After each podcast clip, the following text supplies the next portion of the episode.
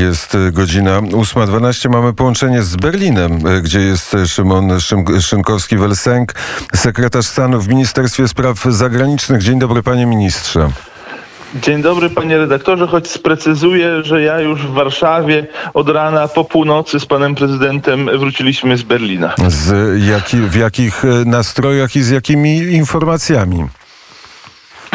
E, to było ważne spotkanie Trójkąta Weimarskiego, formatu, który na tym szczeblu najwyższym, czyli przywódców, prezydentów Polski i Francji oraz y, kanclerza Niemiec nie spotykał się od 11 lat. E, spotkanie poświęcone w zasadzie jednemu tematowi, sytuacji na wschodzie i spotkanie, e, które było kolejnym elementem e, ofensywy dyplomatycznej Polski, która jest aktywna na różnych szczeblach i w różnych formatach. Przypomnę, że pan prezydent spotykał się zarówno z prezydentem Ukrainy, jak i z przywódcą Chin, Chin e, z sekretarzem generalnym NATO. To kwestia tylko ostatnich e, e, kilkunastu dni. Pan premier był w Kijowie. Wcześniej, no cała jesień, ta ofensywa dyplomatyczna premiera, wizyty w kilkunastu krajach. Minister spraw zagranicznych w Waszyngtonie kilka dni temu. Wczoraj w Wiedniu ogłaszał naszą ofertę Platformy Dialogu w ramach OBWE. A więc to wpisuje się w pewien, pewien szerszy kontekst. Natomiast jest to o tyle istotne, że akurat to jest dwójka partnerów, co do których których mamy bardzo jasne oczekiwania. Oczekiwania jednoznacznej, nie dającej pola do dywagacji postawy wobec tego, co dzieje się na wschodzie, wobec agresji Federacji Rosyjskiej wymierzonej w Ukrainę. Szczególnie Niemcy dawały w ostatnich tygodniach e, pole do rozważań, e, czy prowadzą tutaj grę solidarną z NATO, z Unią Europejską, czy też prowadzą jakąś e, własną politykę nakierowaną na przede wszystkim wszystkim swoje e, interesy. No i to spotkanie było elementem, powiedziałbym, takiego e, zapytania i powiedzenia sprawdzam wobec intencji niemieckich. Te deklaracje wstępne, no, zawarte w deklaracji po szczycie, przyjętej na szczycie, można powiedzieć, dają podstawy do pewnego bardzo ostrożnego e, optymizmu, ale to jest jedynie pierwszy krok, bo rzecz nie w deklaracjach, tylko w działaniach. Nasze oczekiwania są jasne. Niemcy muszą stać ramię w ramię, Niemcy i oczywiście Francuzi e, e, z innymi państwami Unii Europejskiej i NATO i wspierać Ukrainę w obronie jej integralności terytorialnej, suwerenności. E, no i też jasno formułujemy oczeki oczekiwanie, że w tej sytuacji, w której de facto wojska rosyjskie już na Ukrainie są, bo przecież koncentracja następuje również na terytoriach okupowanych, Nord Stream 2 nie może być uruchomiony. Takich sformułowań pan minister używa. Rozwiało wątpliwości ostrożny optymizm. Czy to spotkanie rozwiało wątpliwości co do e, postawy Niemców i postawy Francuzów? Mówię o bardzo ostrożnym optymizmie, bardzo to wyraźnie zaznaczam, ponieważ to nie jest rzecz w deklaracjach. E, słowa często niewiele kosztują, ale w konkretnych e, czynach. E, I uzyskaliśmy na tym szczycie zapewnienia o tym, że Francja i Niemcy są gotowi aktywnie zaangażować się także w ramach dalszych prac Trójkąta Weimarskiego we wsparcie Ukrainy w obronę przed łamaniem prawa międzynarodowego przez Federację e, Rosyjską. Natomiast będziemy czekać na to, jak to przekuje się na działania e, w najbliższych tygodniach. E, wyraziliśmy nasze oczekiwania. One są bardzo, bardzo jasne. O nich właśnie przed momentem też powiedziałem, łącznie z tym oczekiwaniem dotyczącym Nord Stream 2. No i czekamy na to, jakie będą dalsze działania ze strony naszych partnerów. Jak Niemcy odpowiadają na nasze oczekiwania dotyczące Nord Stream 2?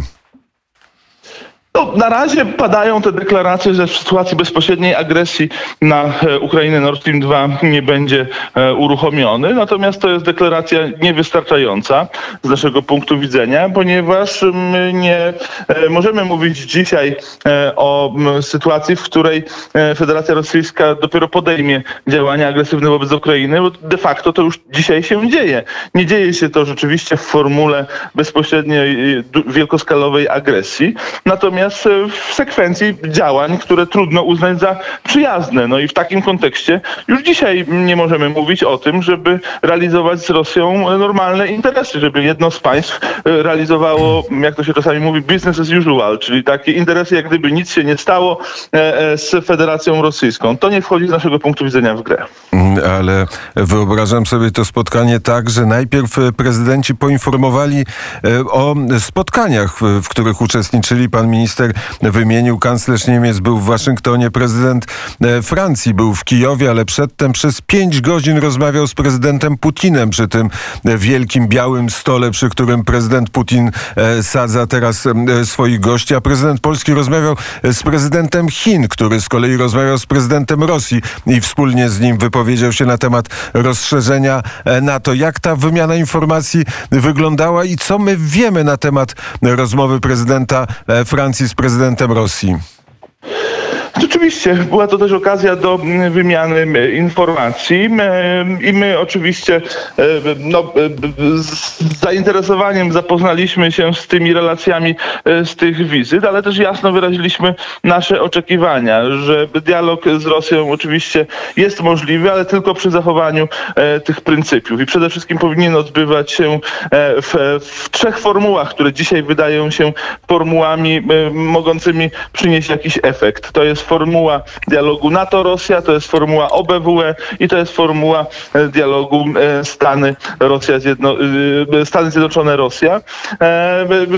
Próby powrotu do formatu normandzkiego no, budzą nasze wątpliwości, ponieważ do tej pory ten format nie przyniósł efektów. No, nasi partnerzy bardzo są zainteresowani tym, żeby, żeby ten format, że tak powiem, cały czas odgrywał swoją rolę, ale my oczekujemy od tego formatu no, jeżeli on miałby odgrywać jakąś rolę, jakichś rezultatów. Tymczasem dzisiaj no, mamy do czynienia z sytuacją, w której format normandzki doprowadził do de facto, no nie mówię, że akurat to winny jest temu sam format, no, ale nie zapobiegł e, e, temu głębokiemu kryzysowi, którym mamy do czynienia e, w tej chwili. Natomiast co do szczegółów rozmów, to oczywiście no, też one są obarczone pewną poufnością, nimi się też trudno bardzo szeroko dzielić. Ważne żeby te informacje były wymieniane i to była okazja ku temu to wczorajsze spotkanie. Ale czy prezydent e, Francji na przykład e, przekonywał e, kanclerza Niemiec i prezydenta Polski do tego, żeby wrócić do porozumień mińskich,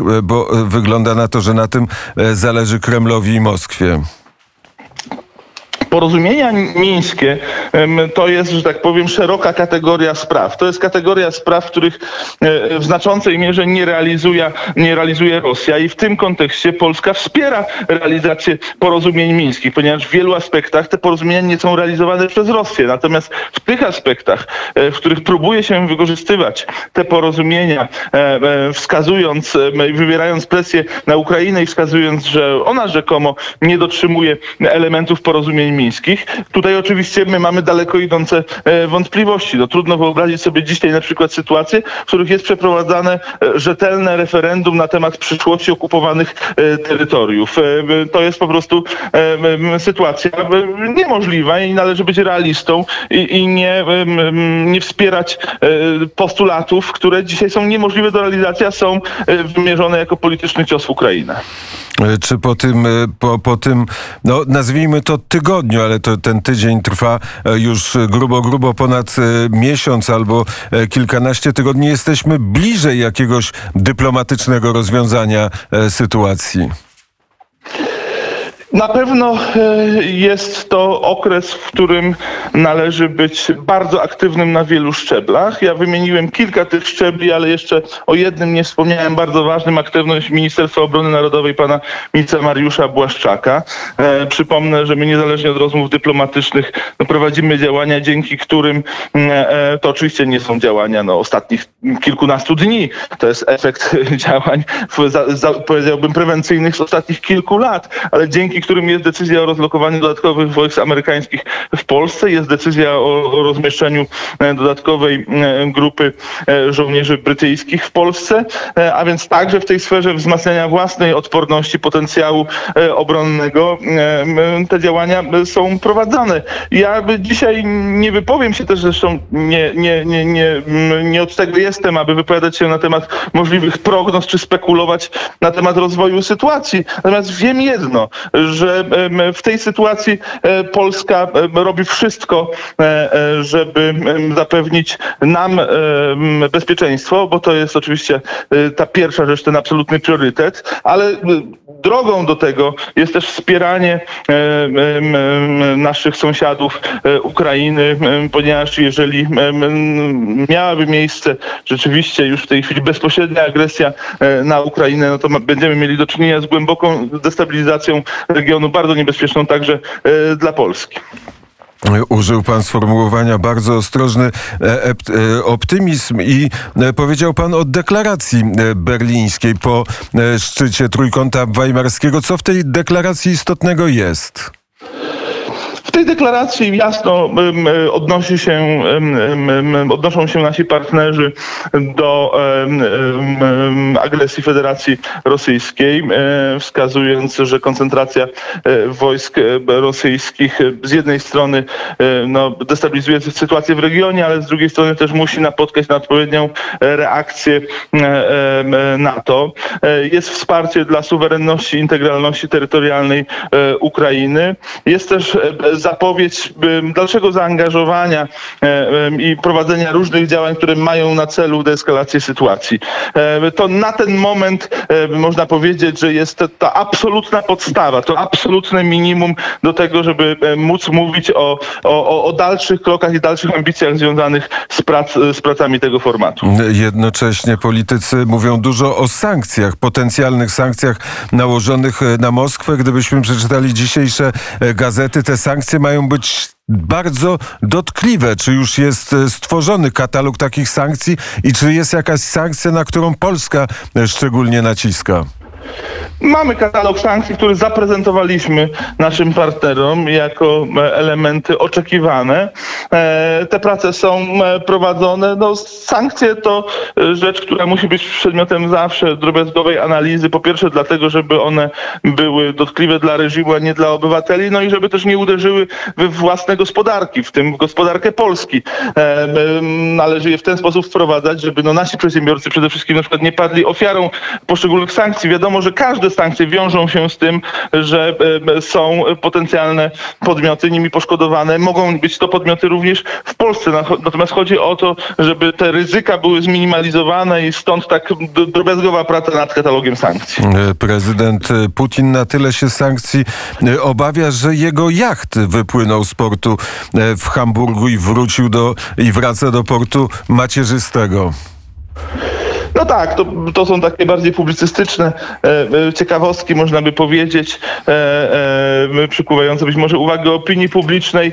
E, nie rzecz w tym, żeby prezydent Putin obawiał się o swój jacht, tylko żeby przede wszystkim obawiał się tego, co może się stać, jeżeli em, nie e, doprowadzi do pilnej deeskalacji tej sytuacji. A czy w czasie takiego e, szczytu trójkąta Weimar, weimarskiego też mówimy e, i polski prezydent mówi o tych sankcjach, które nałożyła na Polskę Unia Europejska?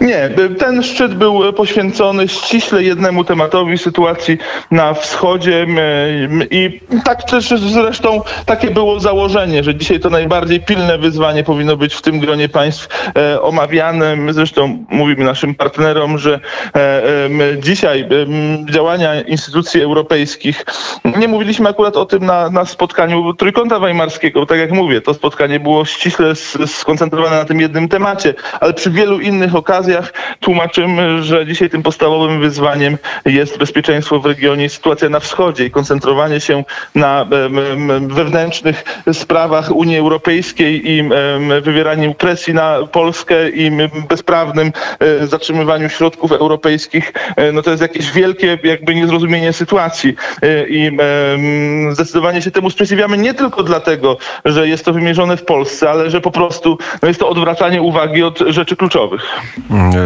To, to, to prawda.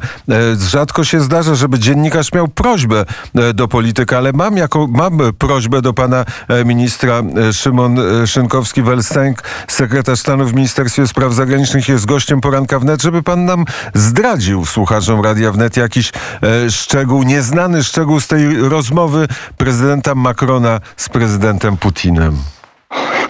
Panie dyrektorze, rozmowy dyplomatyczne e, mają e, to do siebie, że jeżeli mają być właśnie e, w efekcie skuteczne, to, no to nie powinno się zdradzać specjalnie szczegółów z przebiegu tych rozmów. Mogę powiedzieć jedno, że te rozmowy trwały ponad godzinę dłużej niż to było zaplanowane, między innymi dlatego, że toczyły się właśnie w zasadzie do końca rozmowy co do tego, co zostanie zapisane e, w tej deklaracji prowadzone między e, prezydentami. E, natomiast no, ambicją pana prezydenta Dudy zrealizowaną było to, żeby były tam bardzo jasne słowa stanowcze wspierające naszych ukraińskich partnerów, ale też, żeby była otwartość do tego, żeby ten format w następnej swojej odsłonie przede wszystkim też no, spotkał się z naszymi ukraińskimi partnerami. I mam nadzieję, że e, to zostanie zrealizowane. Takie wstępne, można powiedzieć, wstępne uzgodnienie e, e, na tym spotkaniu zostało zawarte. Dzisiaj minister Rał, minister spraw zagranicznych jako szef OBWE leci do Kijowa, potem po, po, poleci do Moskwy po tej moskiewskiej wizycie ministra Rała. Czego się spodziewamy?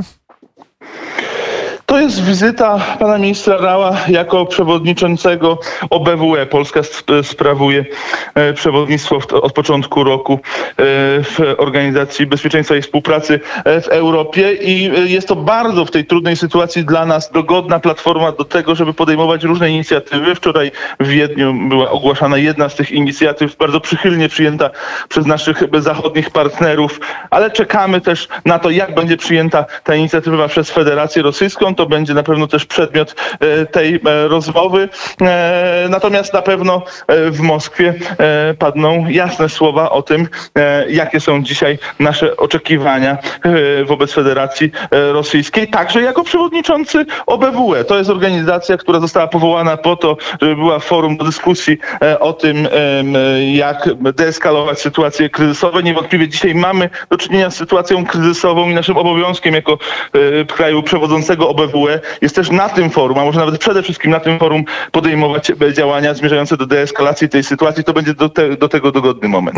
I czym ma być ta platforma dialogu?